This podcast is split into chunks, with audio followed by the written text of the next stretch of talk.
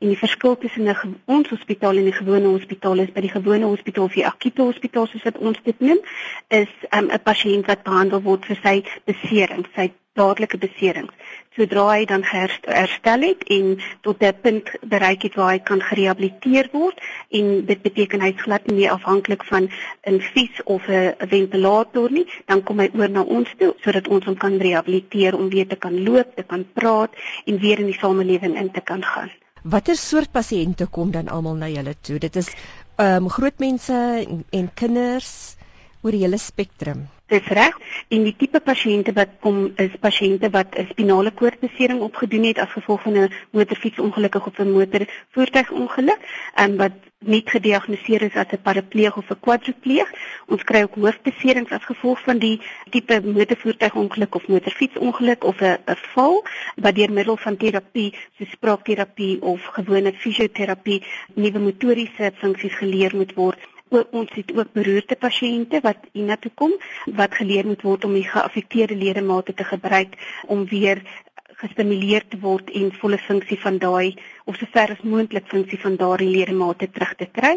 En dit is seker moeilik om om dit te sê maar in die algemeen hoe lank bly pasiënte gewoonlik by julle in die hospitaal? Dit wissel van pasiënt tot pasiënt. Dit kan van 2 weke tot 3 maande tot 6 maande vat vir 'n pasiënt om gerehabiliteer te word en dit hang alles af van hoe vinnig die pasiënt vorder en wat die pasiënt se beserings is. En Marita mag familie hulle daar besoek en mag hulle daar oorbly.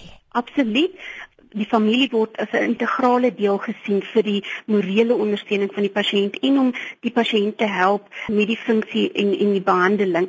Um, ons voel die pasiënt se familie speel net so groot rol vir die ondersteuning daarvan en die pasiënt gaan gewoonlik terug na 'n familielid toe of as dit 'n man is terug na sy vrou toe en 'n 'n vrou terug na haar man toe en dit het baie keer nodig om geleer te word hoe om met die pasiënt dan te werk. So ons moedig pasiënt en familie betrokkenheid die heeltyd dwarsdeur aan.